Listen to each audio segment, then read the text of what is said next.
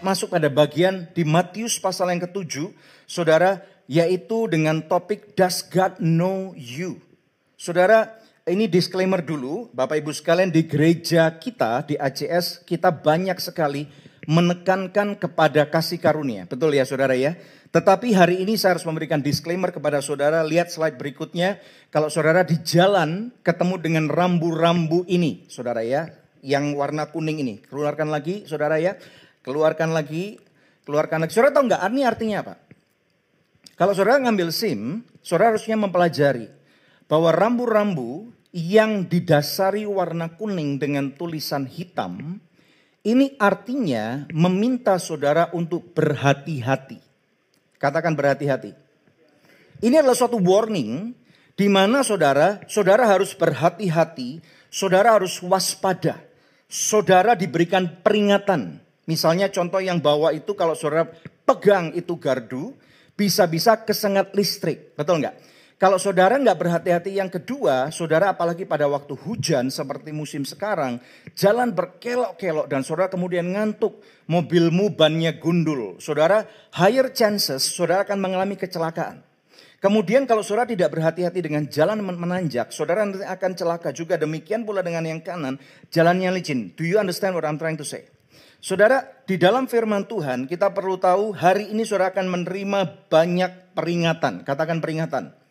Nah, mengikut Tuhan Yesus, saudara kita tahu bahwa fitur yang terbaik yang Tuhan sudah berikan kepada manusia itu apa? Namanya apa, tahu nggak? Namanya adalah free will, kehendak bebas. Saudara, kehendak bebas ini adalah salah satu fitur atau saya bilang katakan fitur yang terbaik yang Tuhan bisa berikan kepada kita sebagai manusia. Saudara diberikan kebebasan yang mutlak untuk membuat pilihan. Saudara mau makan boleh nggak makan boleh, betul nggak? Saudara ke gereja boleh nggak ke gereja boleh? Yang ngomel orang tua saudara, betul nggak? Kalau kita masih anak-anak, betul saudara ya? Yang ngomel mungkin pendeta saudara. Saudara mau percaya boleh, tidak percaya juga boleh. Bahkan ada satu ayat dalam firman Tuhan yang saya nggak perlu buka tapi mengatakan segala sesuatu boleh tetapi tidak segala sesuatu berguna.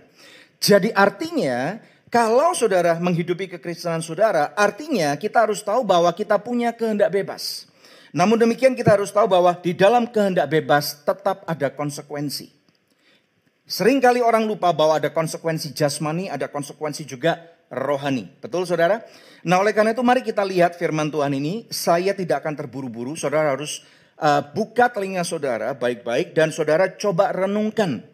Kalau nggak ngerti nanti saya minta saudara uh, bukan cuman baca atau dengarkan khotbah rekaman yang ada di YouTube hari ini, tetapi kalau bisa mulai dari minggu yang lalu. Saudara ya, karena ini harus berseri. Dari minggu yang lalu, minggu ini sampai minggu depan. Minimal tiga ini dulu saudara. Untuk saudara bisa mengerti gambar uh, besarnya dengan baik supaya saudara nggak ngerti cuman secuil-secuil. Nanggap? Amin saudara mau belajar hari ini?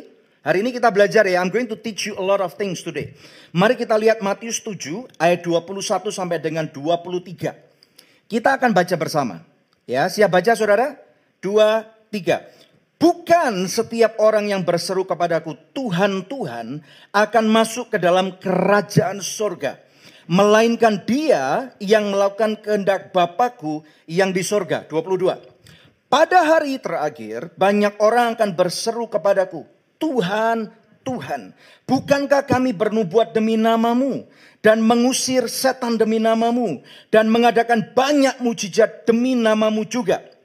23, 23. Pada waktu itulah aku akan berterus terang kepada mereka dan berkata, aku tidak pernah mengenal kamu. Hanyalah daripadaku, kamu sekalian pembuat kejahatan. Wow. Like I said, Ayat firman Tuhan tiga ayat ini saudara, secara pribadi saya sering struggle. How do I have to deliver this? Tetapi saya bersyukur banget karena dalam tiga bulan ini kita masuk satu journey, ini adalah akhir daripada khotbah di bukit. Di mana saya mulai mengerti bahwa ternyata tidak bisa cuma dikhotbahkan satu tiga pasal ini aja saudara. Kita harus melihat konteksnya dengan jelas. Katakan lihat konteksnya dengan jelas. Saudara, ini ada fact finding yang saya temukan Slide berikutnya. Alkitab kita menyebutkan ada sekitar 100 ayat tentang dunia orang mati atau neraka. Ada berapa saudara? 100 ayat. Apakah ini banyak? Banyak. Saudara ya. Dan ternyata 31 ayat ada di perjanjian lama atau PL. Dan ada 69 di dalam perjanjian baru atau PB. Saudara dunia orang mati adalah sesuatu yang real. Dua hari yang lalu saudara saya mempunyai kesempatan baik sekali untuk saya berkhotbah di suatu upacara kematian. Saudara ya ada seorang sahabat uh, keluarga ini kami kenal dengan baik dan kemudian saya diundang untuk berkhotbah di malam penutupan peti saudara. Saya mau mengingatkan jemaat dari pajak ACS. Ini tugas kami sebagai gereja dan hamba Tuhan. Untuk mengingatkan daripada saudara. Suatu hari nanti kehidupan pasti berakhir. Bukan cuma untuk orang-orang yang yang saudara tidak kenal, tetapi juga untuk diri kita sendiri. Tepuk dada saudara, untuk kita nggak pernah lupa. One day man, your life is going to finish. Suatu hari hidupmu akan selesai. Sobat, ada amin saudara? Coba lihat kiri kanan saudara. Sambil mantu aja saudara, karena kita nggak boleh uh, tos atau apa saudara. Siapa pun kita. Saudara boleh tua besar, bayi, orang tua ataupun kecil. Saudara boleh kaya ataupun miskin, berpendidikan ataupun tidak. Suatu hari hidup kita pasti akan berakhir. Yang percaya katakan amin. Saudara tahu nggak? Di waktu khotbah itu saya temukan satu metode khotbah yang juga menarik. Yaitu yang tidak percaya, apakah hal itu berkan berarti nggak terjadi? Terjadi juga. Betul nggak? Saudara percaya ataupun nggak percaya bahwa kematian akan terjadi, terjadi juga. Jadi saya mau katakan kepada saudara, yang percaya katakan, yang percaya katakan. Halo, yang percaya katakan. Amin. Yang tidak percaya juga katakan. Amin. Karena hal itu pasti akan terjadi juga. Betul nggak saudara? Nah kemudian berikutnya. Ternyata ini bukan cuman masalah neraka dan surga. You know what saudara? Ternyata Alkitab juga sangat balance banget. Bahkan ini overwhelming. Ada 551 ayat. Tentang apa? Surga. Wow. Lebih banyak saudara. Yang mana 313 ayat itu di perjanjian lama. Very interesting kalau kita lihat comparisonnya. Bahwa ternyata mulai dari uh, kejadian awal mula. Tuhan sudah berbicara tentang surga. Di perjanjian lama bahkan yang sangat overwhelming. Penekanan akan neraka tidak terlalu banyak. Saudara, dan bahkan di perjanjian baru berbicara tentang surga itu ada 238 ayat. Dengar baik-baik. Firman Tuhan dalam kitab Roma mengatakan semua manusia sudah kehilangan kemuliaan Tuhan. Semua sudah cacat hukum di hadapan Tuhan. We are a product of failure, saudara. Karena apa? Karena apa yang pernah Adam pertama lakukan. Tetapi Praise be to God. Puji nama Tuhan. Ada Adam kedua yang datang. Yang namanya Tuhan Yesus Kristus. Makanya satu-satunya jalan menuju surga. Bukan perbuatan baik bukan kebodohan, bukan sakit penyakit, bukan kekayaan, bukan charity, bukan mengampuni orang lain bahkan, bukan berderma, tetapi satu-satunya jalan menuju keselamatan ke surga hanya melalui Tuhan Yesus Kristus yang percaya katakan amin. Saudara, let's get excited bahwa ada pengharapan di dalam nama Tuhan Yesus Kristus. Yang percaya siapa nih saudara? Haleluya. Amin saudara. Ada satu janji yang besar bahwa berarti ini apa saudara? Saya akan buat menjadi cuma tiga poin supaya kita bisa mengerti dengan baik. Pertanyaan pertama ini relevan banget buat setiap daripada kita. Poin pertama bertanya seperti ini. Apa arti menjadi orang Kristen bagi dirimu? Kalau saudara seperti anak-anak saya ada dua dilahirkan dalam keluarga Kristen, sering kali mereka belum punya pilihan sampai nanti mereka dewasa. Tetapi saudara yang sudah dewasa, kita sekarang punya pilihan. Bahkan Tuhan tidak pernah memaksa saudara untuk ikut kebaktian. Wow. Apakah menjadi orang Kristen berarti karena cuman ke gereja? Enggak juga saudara. Apakah menjadi orang Kristen karena saudara pakai kalung salib atau anting salib yang gede atau mungkin punya tato salib di sini yang gede saudara? Mungkin di sini ya, shred di tato, shred, tato shred, tato shred, salib gini saudara. Apakah itu? Enggak juga. Betul enggak? Kalau ke gereja adalah inti daripada kekristenan, maka kursi-kursi ini lebih Kristen daripada kita. Betul enggak? Kalau ke gereja adalah kekristenan, maka batu bata ini lebih memuliakan Tuhan daripada kita. Saudara, apakah karena nama saudara Kristen? Nama saya tidak pernah milih, saudara. Orang tua saya pilih nama saya Daniel sejak dari lahir. Apakah karena nama ini saya menjadi Kristen? Enggak juga loh, saudara. Lalu apa? Lalu bagaimana ini semua, saudara? Pertanyaan berikutnya dalam poin pertama ini, apakah pasti bahwa Tuhan Yesus kenal kamu? Does God know you? Ini pertanyaan yang sangat penting. What an irony, saudara. Kita punya keyakinan kita mau pergi ke Istana Merdeka. Betul, saudara? Karena kita yang milih, ikut kita lah konstituen Bapak Presiden Jokowi. Dengan percaya diri kita ke sana. Lu nggak bakal masuk. Karena betul, saudara. Betul? Betul nggak? Yang saya ngomong ini make sense nggak saudara? Make sense banget. Saudara, engkau boleh punya confident. Bahwa engkau dikenal oleh Tuhan. Tetapi kalau Tuhan ngomong aku nggak kenal kamu. Apa yang ditulis dalam ayat itu saudara sia-sia. Nah saudara, makanya di poin pertama ini kita harus mengerti dengan baik apa yang menjadi arti kekristenan itu buat saudara. Apa artinya nih saudara? Izinkan saya untuk memberikan uh, apa namanya cross reference daripada beberapa ayat firman Tuhan. Yuk kita belajar. Let's go deeper. Let's dive today. Lukas 15. Ini referensi penting. Di dalam Lukas 15 ada tiga perumpamaan yang sangat penting sekali. Yang setiap daripada orang Kristen harus mengerti. Tiga perumpamaan ini saya nggak bisa ceritakan, saudara, karena ini waktu kita hanya pendek, saudara. Tetapi dalam tiga perumpamaan ini ada tiga perumpamaan besar yang Tuhan Yesus berikan kepada murid-muridnya. Saudara, yang pertama berbicara tentang domba yang hilang. Masih ingat cerita ini saudara? Saudara mungkin belum pernah baca atau mungkin pernah baca tapi lupa. Tapi saudara pasti pernah tahu ada kisah domba yang hilang. Ada 100 ekor domba. Ada seorang uh, gembala punya 100 ekor. Betul saudara? Berapa yang hilang? Cuman satu. Berapa saudara? Cuman satu. Dan firman Tuhan mengatakan 99 dia titipkan di tempat yang aman.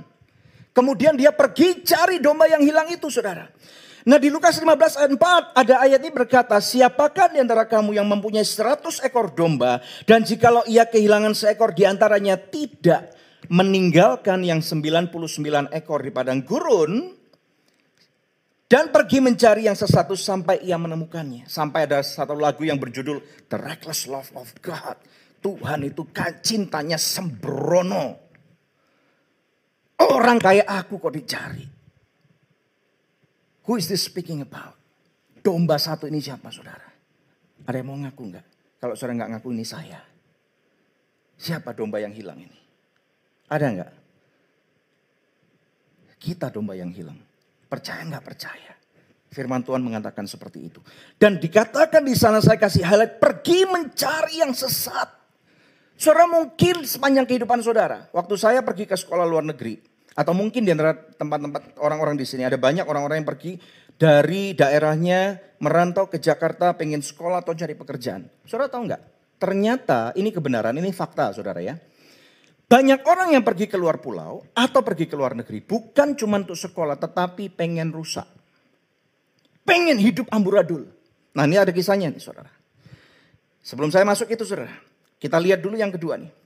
Dirham yang hilang. Nanti saya akan kembali ke sana, saudara. Nanti kalau saya belum kembali ke sana, di akhir Lukas 15, saudara ingatkan saya. Kisah yang kedua berbicara tentang dirham yang hilang.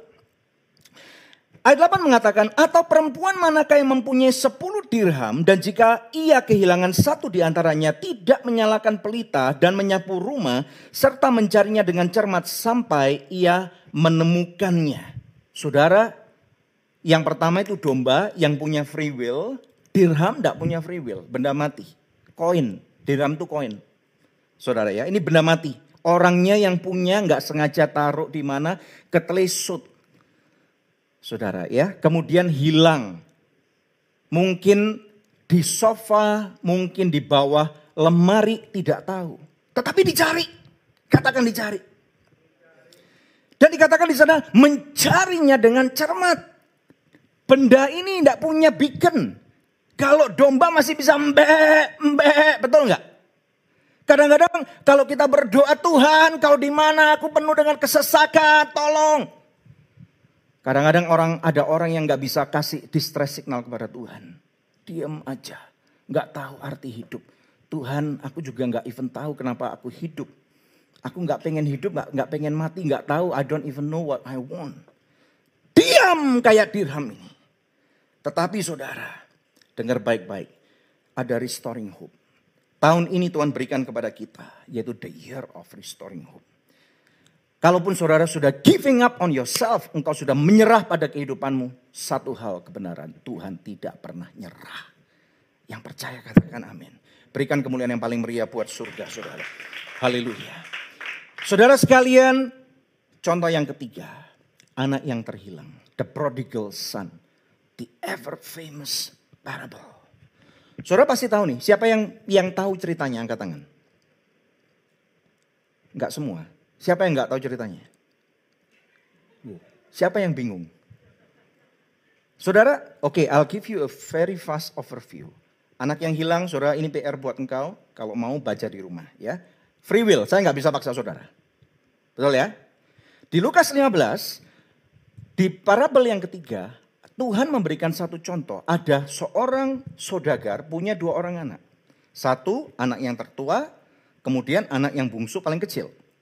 Anak yang bungsu minta warisan kepada papanya. Papanya belum mati, papanya masih sehat. Obviously ini orang kaya raya, saudara. Kemudian saudara papanya nggak bilang kamu kurang aja nak, kamu laknat, kamu nggak tahu diuntung. Yang orang tuanya atau papanya bilang, oke okay, ini pembagian papa memang belum mati, sekarang warisan kamu kamu terima semua. Kemudian Alkitab mengatakan dia pergi, saudara menjadi orang yang tidak baik. Ini seperti cerita yang tadi saya katakan. Banyak anak-anak yang pergi dikirim oleh orang tuanya. Ke luar negeri atau keluar pulau. Katanya pengen sekolah. Tetapi sebenarnya yang mereka ingin lakukan adalah pengen rusak. Pengen jauh dari orang tua. Pengen bebas. Pengen hidup semau gua. Saudara. Saya pernah sering sekali bertemu dengan orang-orang seperti ini. Tetapi saudara tahu apa yang terjadi? Pada waktu akhirnya hidup yang sangat tidak baik. Dengan segala kemewahan, kefoya-foyaan. Ada akhirnya semuanya habis. Teman-teman yang di, dulu dikira teman-teman setia, teman-teman baik, ternyata ada gula, ada semut. Gulanya habis, semuanya hilang semua.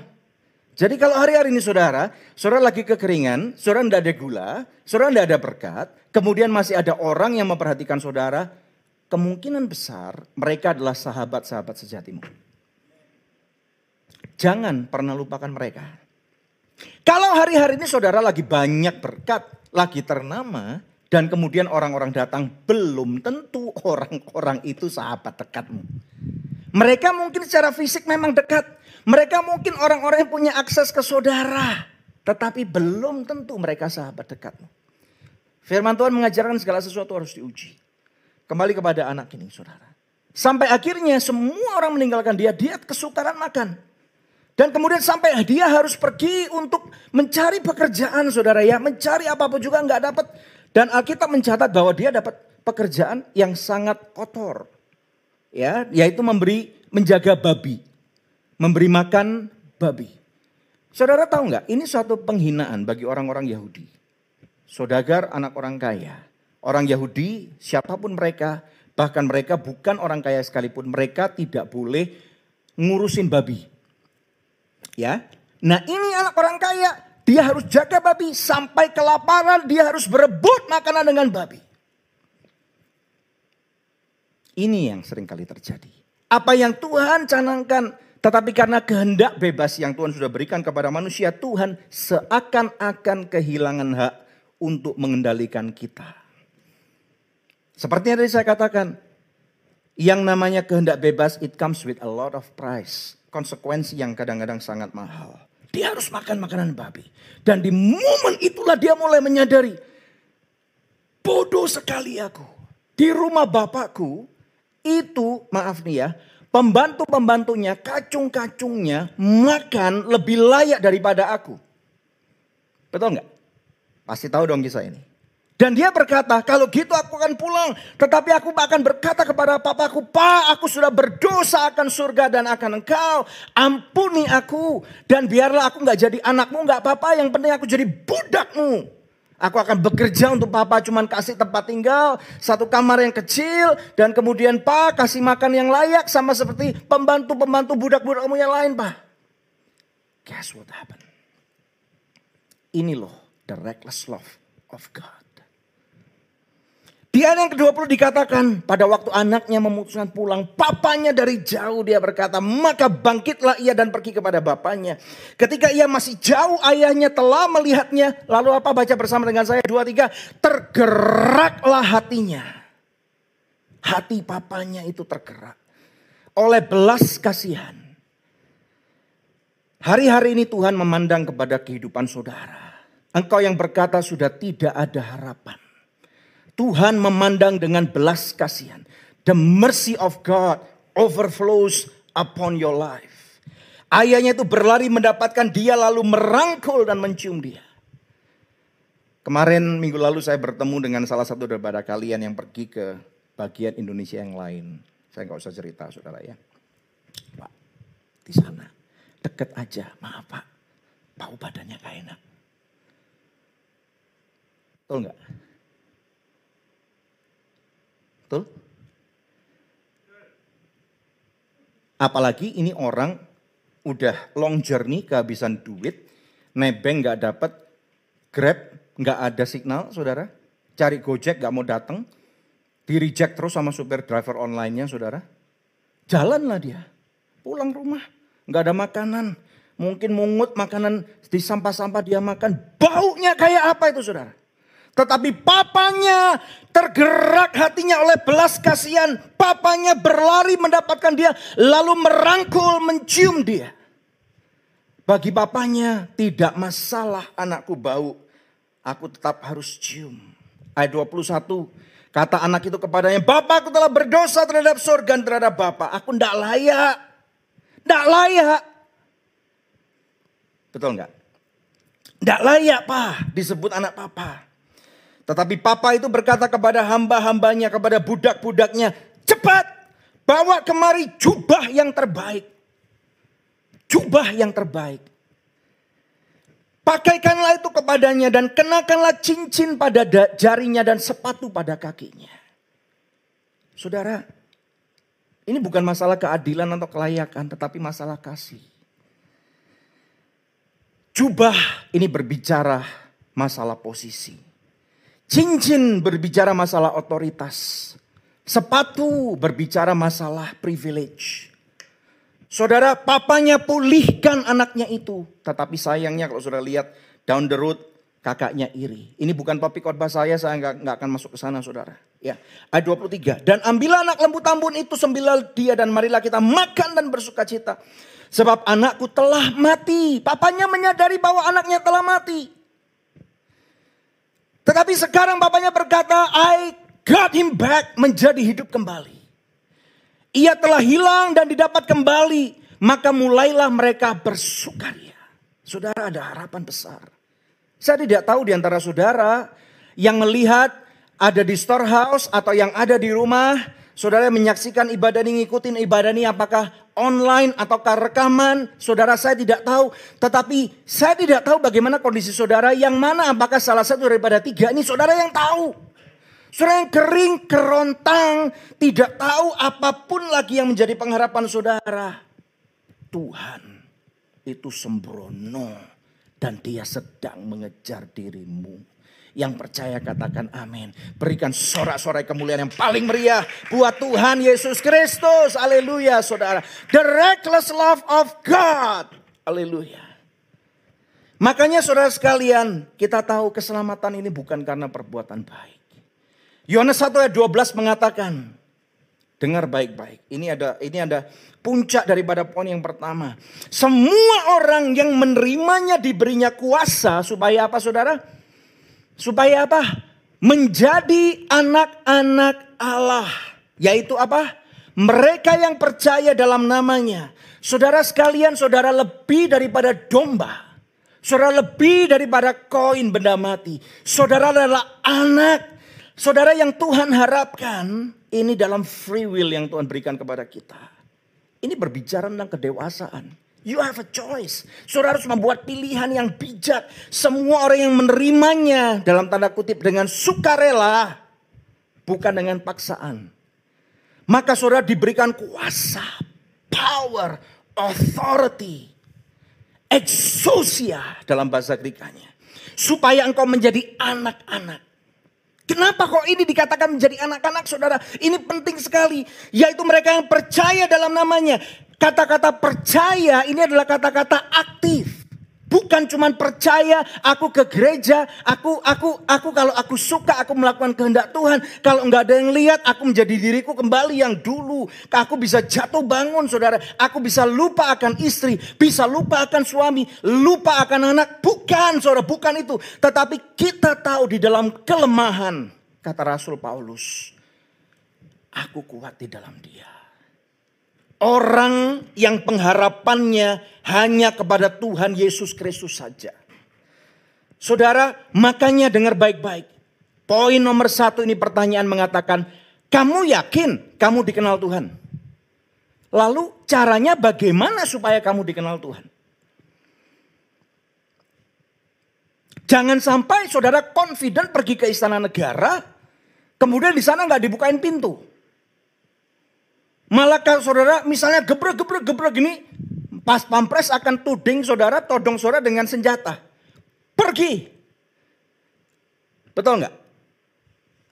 Ya, ada undang-undang negara yang mengatakan kalau kamu tidak pergi kamu bisa ditembak atau kamu akan dipenjara 10 tahun. Misalnya seperti itu. Wow. Saudara, kalau kamu mau yakin Tuhan Yesus kenal kamu, jawabannya mau tahu saudara? Jadilah anak. That's it. Kalau kita jadi anak Tuhan nggak mungkin nggak kenal kita. Itu jawabannya. I got the answer. I got the breakthrough. Siapa mau jadi anak? Amin saudara. Jawabannya cuma ini. Kalau saudara jadi anak, saudara kayak gembel pun diterima. Asal balik tidak ada satu kuasa pun di dunia ini yang dapat membatalkan keselamatan saudara kecuali your free will. Hanya free will saudara. Kalau saudara misalnya bahkan tadi ada tiga perumpamaan. Saudara cari baca kembali. Kalau kamu anak Tuhan Yesus pasti jamin garansi. Kenal kamu katakan aku mau jadi anaknya Tuhan. Amin saudara. Siapa mau jadi anaknya Tuhan? Makanya saudara pada waktu kita diingatkan mengambil perjamuan tadi itu. Kita diingetin bahwa hei lu jangan lupa lu anaknya Tuhan.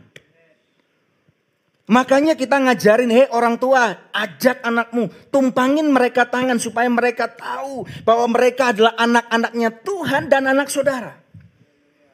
Itu penting saudara. Itu maha penting. Nangkep sesuatu? Nangkap sesuatu? Sehingga kita nggak lagi takut membaca ayat Matius 7, 20 tadi saudara. Yang selalu membuat seperti tertuduh dan bersalah. Waduh, jangan-jangan gua salah. Jangan-jangan gua salah. Jangan-jangan pelayanan saya belum sempurna. Jangan-jangan ini, jangan-jangan ini. Saudara, damai sejahtera yang daripada surga itu tidak membuat kita tertuduh. Tetapi menyadarkan. Poin yang kedua. Siap masuk saudara? Poin yang kedua. Poin yang kedua, kita tidak boleh lupa bahwa ternyata kalau kita lihat mata koin. Ya, di Indonesia memang jarang sekarang pakai koin. Tetapi saudara, saya ada satu contoh koin. Di poin yang kedua ada dua sisi koin. Saudara, kita nggak bisa terima cuma satu sisi doang. Betul nggak? Kalau saudara terima, ini kalau siapa yang pernah pegang uang seribu, koin seribu perak ini? Ada nggak? Kalau saudara uh, nggak seumuran anak saya pasti harusnya pernah dong. Ya, pernah nggak? Saudara kalau terima koin tidak pernah, saudara cuma bisa bilang, gua cuma mau sisi yang depan. Yang belakang nggak mau. Nangkep gak? Ini analoginya. Betul ya? Saudara harus mau terima A dan B. Seperti dulu kalau zaman dulu punya kaset itu loh. Ingat gak? Kaset side A, side B itu saudara. Ya, itu jadul banget. Anak-anak kita udah nggak tahu, saudara.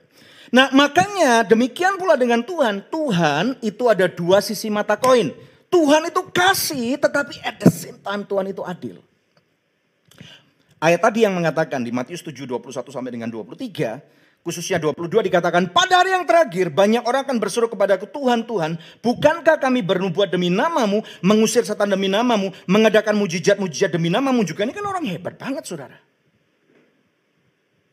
Betul nggak? Mungkin kita nggak sampai separuhnya daripada orang yang dituliskan ini saudara. Ayat 23 ini penting banget. Pada waktu itulah aku berterus terang. Gini ya, gua berterus terang sama lu ya. Gua nggak kenal lu. Lu kan susah gitu saudara. Aku tidak pernah mengenal kamu, nyalah daripada kamu sekalian pembuat kejahatan. Kuncinya tadi dikatakan di ayat 22, Ya, orang yang bersuruh-suruh kepada Tuhan ini berarti orang yang bisa melayani Tuhan, orang yang punya urapan yang keren banget.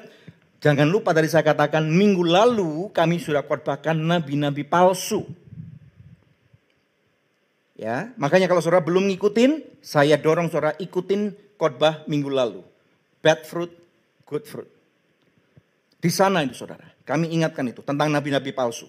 Ini bukan berbicara tentang kita yang melayani Tuhan, kemudian Tuhan, ini nanti salah Not satu. Enggak dikenal Tuhan. Bukan. Nanti kalau WL-nya satu kali sumbang atau yang khotbah salah ngutip ayat. Di laser dari surga. Bukan. Tetapi nabi-nabi palsu.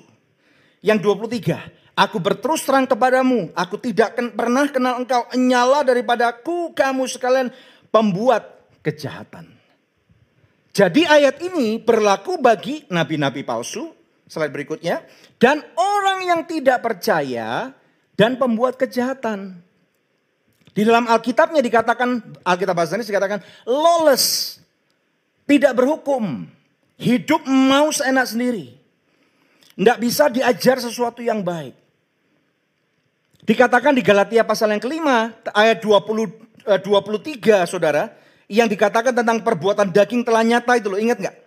Ya, minggu lalu kami sudah khotbahkan itu Saudara. Perbuatan daging telah nyata Galatia 5 19 sampai dengan 21. Percabulan, kecemaran, hawa nafsu, penyembahan berala sihir, perseteruan, perselisihan, iri hati, amarah, kepentingan diri sendiri, percederaan, roh pemecah, kedengkian, kemabukan, pesta pora. Pesta pora ini bukan cuma pesta kayak semalam kita pesta bukan. Tetapi pesta seksual, homoseksual, lesbianisme yang tidak takut akan Tuhan, yang gak kenal hukum. Bukan itu saudara yang dimaksudkan. Dan sebagaimana mestinya yang tahu apa yang sudah benar dikatakan oleh Tuhan. Tetapi kita karena kita udah nggak suka dengan Tuhan kita benci. Kita kita nggak mau lagi menjadi anak Tuhan. Kita malah ngelawan. Ada kan orang-orang kayak gini saudara? Ini yang dimaksud. Lawless. Lawless. Yang hidup nggak ada aturan. Orang hidup mesti punya aturan bro. Orang hidup mesti punya aturan sis. Kalau kita nggak punya aturan, main sepak bola aja harus ada aturan.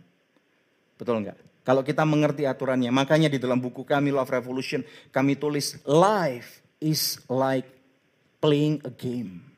You got to know the rules. Saudara. Nah sisi mata koin satunya kita lihat cross reference ayatnya. Ibrani 12 ayat 28 sampai dengan 29. Yuk kita belajar lebih dalam lagi. Let's dive deeper. 28. Jadi karena kita menerima kerajaan yang tidak tergoncangkan. Ada amin gak? Kerajaan surga itu kerajaan di atas segala kerajaan.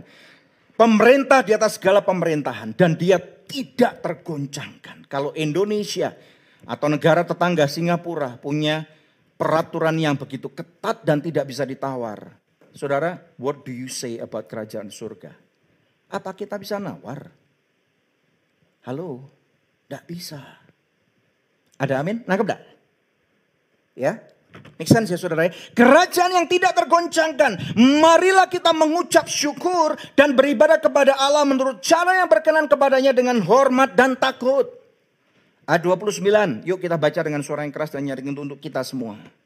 Ini sisi satunya daripada kasih Tuhan yang lemah lembut, yang sembrono, kasih karunia yang tanpa batas. Sisi satunya adalah 29. Sebab Allah kita adalah apa saudara? Api yang menghanguskan. Ini serius. Makanya tadi saya kasih disclaimer. This is a warning. Untuk kita sekalian saudara. This is a warning. Saudara sebagai seorang hamba Tuhan. Izinkan saya memberikan pertanggungjawaban penuh kepada saudara. Saudara suatu hari dan saya akan dituntut di depan suatu pengadilan agung. The Great White Throne. Yang tertulis pada Wahyu 20 ayat 11 sampai dengan 15. Kewajiban saya ngingetin saudara. Kewajiban saya ngajarin saudara. Di ayat 11, Wahyu 20 ayat 11. Sampai dengan ayat 15. Firman Tuhan mengatakan, lalu aku melihat suatu tahta putih yang besar. Ini di hari penghakiman agung. Dan dia yang duduk di atasnya. Dia ini adalah Kristus Yesus. Dari hadapannya lenyaplah bumi dan langit dan tidak ditemukan lagi tempatnya. 12. Dan aku melihat orang-orang mati. Besar, kecil. Berdiri di depan tahta. Betul saudara? Semua kitab dibuka. Semua kitab ini semua pengajaran, semua agama yang ada di muka bumi yang dikenal oleh manusia. Kita pernah dengar ataupun tidak akan dibuka. Makanya ini yang yang ada free will-nya nih saudara, semua dibuka. Dan orang mati, sorry, dan dibuka juga sebuah kitab lain, yaitu apa baca saudara? Kitab kehidupan, the book of life.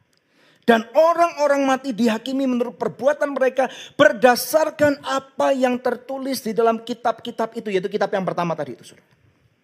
Oke. Jadi saudara, kalau mereka orang yang saudara ajak terima Tuhan mereka nggak percaya, mereka punya hak sepenuhnya untuk menolak saudara. Tetapi mereka akan diadili dengan buku-buku itu. Ya, mereka akan diadili dengan perbuatan baik mereka, dengan cara tim mereka. It's okay, nggak apa-apa. Ayat 13 kita teruskan. Maka laut menyerahkan orang-orang mati yang ada di dalamnya dan maut dan kerajaan maut menyerahkan orang-orang mati di dalamnya. Ya, ini ini kata-katanya saudara harus baca lagi untuk mengerti. Dan jadi kan ada orang-orang mati itu misalnya dibakar, abunya ditabur di laut. Betul kan saudara ya? Ada orang yang mati dan kemudian dikubur. Ada orang yang meninggal naik pesawat, jatuh, meledak pesawatnya. Ada orang yang kena bom dan yang lain-lain. Dengar baik-baik. Dengar baik-baik. Cara kematian seseorang, apakah sakit, tua, muda, kecelakaan, terorisme atau apa pun juga, tidak merefleksikan iman orang itu. Ada amin imannya ditentukan pada waktu orang itu masih sehat, seger, buger. Atau mungkin kalau misalnya sakit mau mati, imannya bisa ditentukan oleh dia asal dia belum mati. Ini penting. Mereka dihakimi masing-masing menurut perbuatannya. 14, lalu maut dan kerajaan maut dilemparkanlah ke dalam lautan api. Jadi maut, kerajaan maut yang kita kira menakutkan, ada lagi yang menakutkan namanya lautan api dan ini bukan Bandung. Kok nggak ada yang ketawa? Kan Bandung itu katanya lautan api, saudara. Betul nggak? Kematian, sakit penyakit yang kita kira menakutkan. Ada yang lebih menakutkan namanya lautan api. Tetapi ada satu janji besar yang diberikan buat kita semua di ayat 15. Saudara terima ini dan dikatakan. Dan setiap orang yang tidak ditemukan namanya tertulis di dalam kitab kehidupan itu. Ia dilemparkan ke dalam lautan, dalam lautan api itu. Artinya apa? Ini saya balik. Berarti bukankah sama orang yang namanya tertulis di dalam kitab kehidupan itu tidak akan dilemparkan ke dalam lautan api. Haleluya saudara. Bagaimana caranya supaya kita bisa dituliskan nama kita dalam kitab kehidupan itu? Simple. Jadilah anaknya Tuhan. That's it. Kalau kamu anak, saudara kamu nggak mungkin lupa sama anakmu. Saya pernah berjumpa dengan orang-orang yang dilahirkan kemudian tidak pernah tahu siapa papa dan mamanya. Mungkin taruh di panti asuhan. Ada beberapa yang saya udah ketemu udah gede, udah umur 30, udah umur 40, saudara. Mau ketemu papa kandungnya masih nggak mau loh. Tetapi menurut saudara apakah papa kandung atau mama kandungnya tiba-tiba amnesia dan lupa bahwa itu anaknya? Halo, saya mau tanya. Tidak mungkin. Tidak mungkin. Tidak mungkin. Salah satu ayat dalam kitab Yesaya mengatakan, apakah ada seorang ibu yang pernah menyusui bayinya, melupakan anaknya? Dan di dalam kitab itu dikatakan, kalaupun ada, Tuhan tidak pernah melupakan kamu. Saudara Tuhan bukan pelupa. Kalau kita adalah anak, dengar baik-baik, ada kabar gembira, tidak ada bekas anak. Siapa anak Tuhan di sini? Angkat tangan saudara, berikan kemuliaan yang paling meriah buat Tuhan. Haleluya! Tidak ada bekas anak kecuali engkau memutuskan meninggalkan Tuhan. Kecuali engkau memutuskan, ini hidup gua, gua nggak takut neraka. Lu yakin? Kita nggak bisa paksa model-model orang kayak gitu. Saudara diberkati nggak? Diberkati nggak? Belajar sesuatu. Haleluya. Yuk kita masuk poin yang ketiga, terakhir. Oke. Poin ketiga berarti setiap orang perlu keselamatan nggak? Perlu dong, saudara. Setiap orang perlu keselamatan. Makanya poin yang ketiga, yuk saudara, waktunya sekarang kita menjadi saksinya Kristus. Siapa mau menjadi saksi Kristus? Amin. Percaya nggak? Percaya nggak percaya? Kita perlu jadi saksi Kristus. Haleluya. Bapak Ibu sekalian, Matius 7 ayat 21 sampai 23 tadi kita udah baca nih ya. Yuk kita kita masuk poin yang ketiga lebih dalam nih. Dengar baik-baik. Saya tahu gereja punya kewajiban. Kewajiban gereja itu apa saudara? Memperlengkapi jemaat saudara sekalian. Ini kewajiban gereja. Kewajiban kami sebagai gereja dan hamba-hamba Tuhan di gereja ini memperlengkapi saudara. Yang percaya katakan amin. Jadi kalau saudara tidak diperlengkapi, saudara berhak untuk negur kami. Berhak, itu hak saudara. Karena kita bukan cuma jemaat dan gereja, but we have a covenant. Saudara, saudara, gereja wajib memperlengkapi saudara dalam bentuk pemuritan. Dalam kelas ataupun di luar kelas. Pemuritan bukan cuma dalam sesi kayak gini di gereja hari ini tadi saya katakan I'm going to teach you something. Ini pemuritan saudara. Bukan cuma ibadah hari Minggu hari ini. Kemudian yang kedua, jemaat wajib untuk menerima pengajaran pemahaman Alkitab. Ini yang kami lakukan dalam morning devotion. Sayangnya tidak banyak yang ikut. Betul nggak? Kok diem? Rasa bersalah ya? Betul nggak? Yang ketiga, perlu adanya seminar-seminar dan workshop. Sebelum pandemik, kita sering melakukan itu. Semoga nanti 2022 kita akan restart melakukan hal itu lagi. Mau nggak? Ada seminar-seminar, ada workshop lagi ada enrichment mungkin mungkin seminar pernikahan, seminar kesehatan, seminar mungkin akhir zaman, seminar yang luar biasa. Mau nggak saudara? Halo, ini bagian gereja memperlengkapi saudara loh. Ada kesaksian-kesaksian orang percaya. Kuasa iblis dihancurkan dengan dua. Yaitu kesaksian orang percaya dan darah Yesus. Saudara, kamu punya resources. Di gereja ini kami punya namanya Good News Program. Saudara tinggal cari kesaksiannya, ikuti kesaksiannya. Engkau akan mendapat kekuatan dan siraman rohani. Dan yang terakhir, saudara kita punya perpustakaan digital. Tahu nggak? Nggak tahu ya? Kita punya perpustakaan digital nih melalui YouTube. Anugerah Ministries. Udah ribuan uploads yang dilakukan. Yuk kita berterima kasih kepada orang-orang yang bekerja di balik layar. Yang membantu mengupload, yang ada di balik kamera, yang ada di kontrol panel sana. Saudara yang mereka tanpa kenal lelah, mereka menyediakan perpustakaan digital ini buat kita. Ayo saudara kita berikan tepuk tangan buat teman-teman kita. Wuh, luar biasa. Cuman, saudara pernah pakai enggak? Betul enggak? Minggu lalu, saudara, tiga hari lalu saya dihubungi oleh seorang teman saya, teman lama banget, teman sekolah, yang mengatakan hidup saya lagi banyak masalah. Gitu. Ngomongnya ini jam 12 kurang 10 saudara, malam. Dan saya tidak terlalu mau mengentertain untuk sampai jam 4 pagi saudara untuk konseling. Bukan saya nggak mau mengasih jiwa-jiwa, bukan saudara ya. Tetapi saya harus harus tahu dia harus istilahnya nggak bisa ngatur hidup saya. Ya, saya ladenin sebentar, kemudian dia tanya, belum tidur? Saya langsung bilang, sebentar lagi mau tidur. Dan kemudian dia mulai cerita sedikit, saya bilang, gini deh, besok kita ngomong. Aku nggak tahu masalahmu apa. Saya mulai diingatkan roh kudus untuk ngasih dia salah satu khotbah yang pernah saya khotbahkan. Khotbah di bukit seri 1. Saya bilang, kamu dengerin dulu deh. Nah saudara, ini keterampilan. Saudara sekolah, saya mau tanya, siapa yang pernah sekolah? Siapa yang pernah nyontek waktu sekolah? Tahu nggak, nyontek itu perlu keterampilan. Betul nggak? Halo, Betul nggak? Wah, yang semakin gini pengalamannya semakin banyak. Lihai. Saudara bisa bayangin, saudara lagi ujian negara, saudara nyontek, saudara nggak punya keterampilan, nggak tahu halamannya di mana, catatan bagian apa, saudara lihat juga belong, song. Betul nggak? Betul ya? Dulu nih saudara sebagai penutup, saya minta tolong pemain keyboard kembali ke tempatnya. Kalau saya misalnya lagi persiapan ujian negara, ada berita katanya, eh ikut gua aja, dapat soal. Saya senang saudara, saya senang. Dan saya bilang, saya mau, saya mau, ayo kumpul di rumahku. Teman-teman saya saudara, mulai dari tiga hari, H-3 udah kumpul dari pagi sampai malam. Tiga hari kayak orang selamatan gitu saudara. Banyak banget. Saya nggak ikut kumpul saudara, saya belajar dulu di rumah. Hari terakhir, sorenya saya baru datang. Saya udah belajar. Saudara.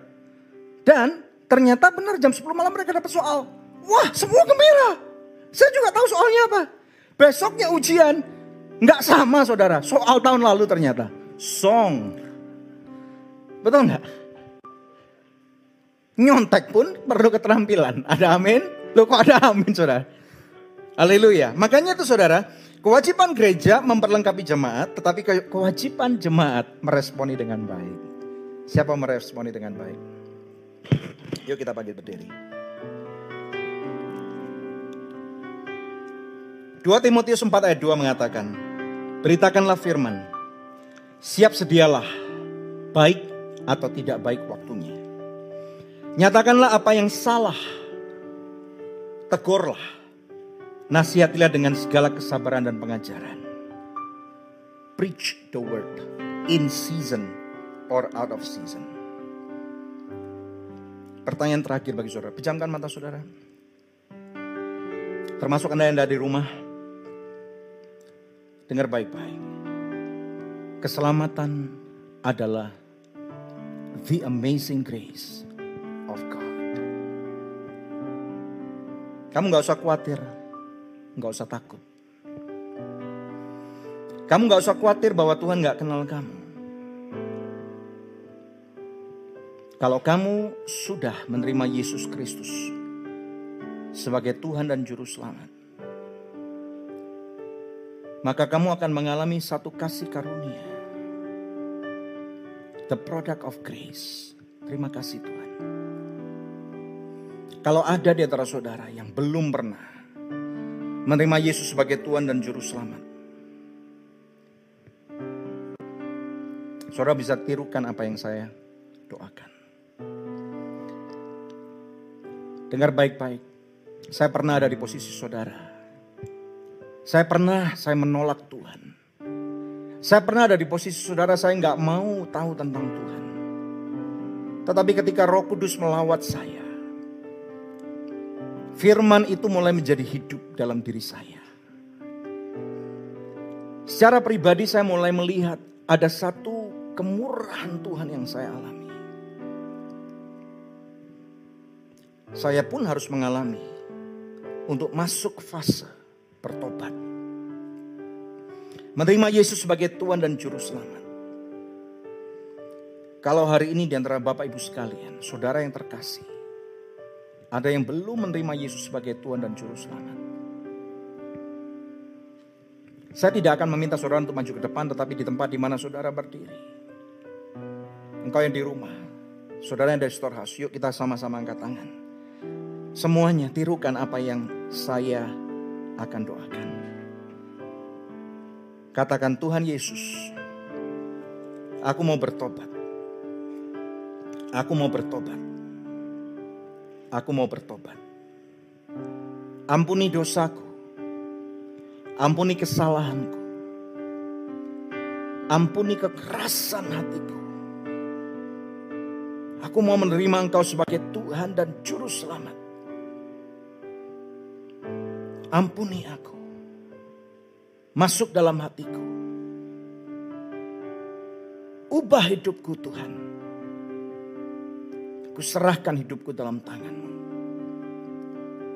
Dan biarlah kasih karuniamu itu terjadi pada hidupku. Aku terima engkau sebagai Tuhan dan Juru Selamat. Yang percaya katakan. Amin. Kita berikan kemuliaan yang paling meriah buat Tuhan. Haleluya. Tuhan Yesus memberkati. Silakan duduk. Terima kasih karena kamu sudah join dan mendengarkan khotbah dari Pastor Daniel Hendrata di podcast Anugerah Church. Kalau kamu diberkati dengan podcast ini, yuk share ke teman-teman lainnya agar lebih banyak lagi jiwa yang diberkati. Anugerah Church at Storehouse.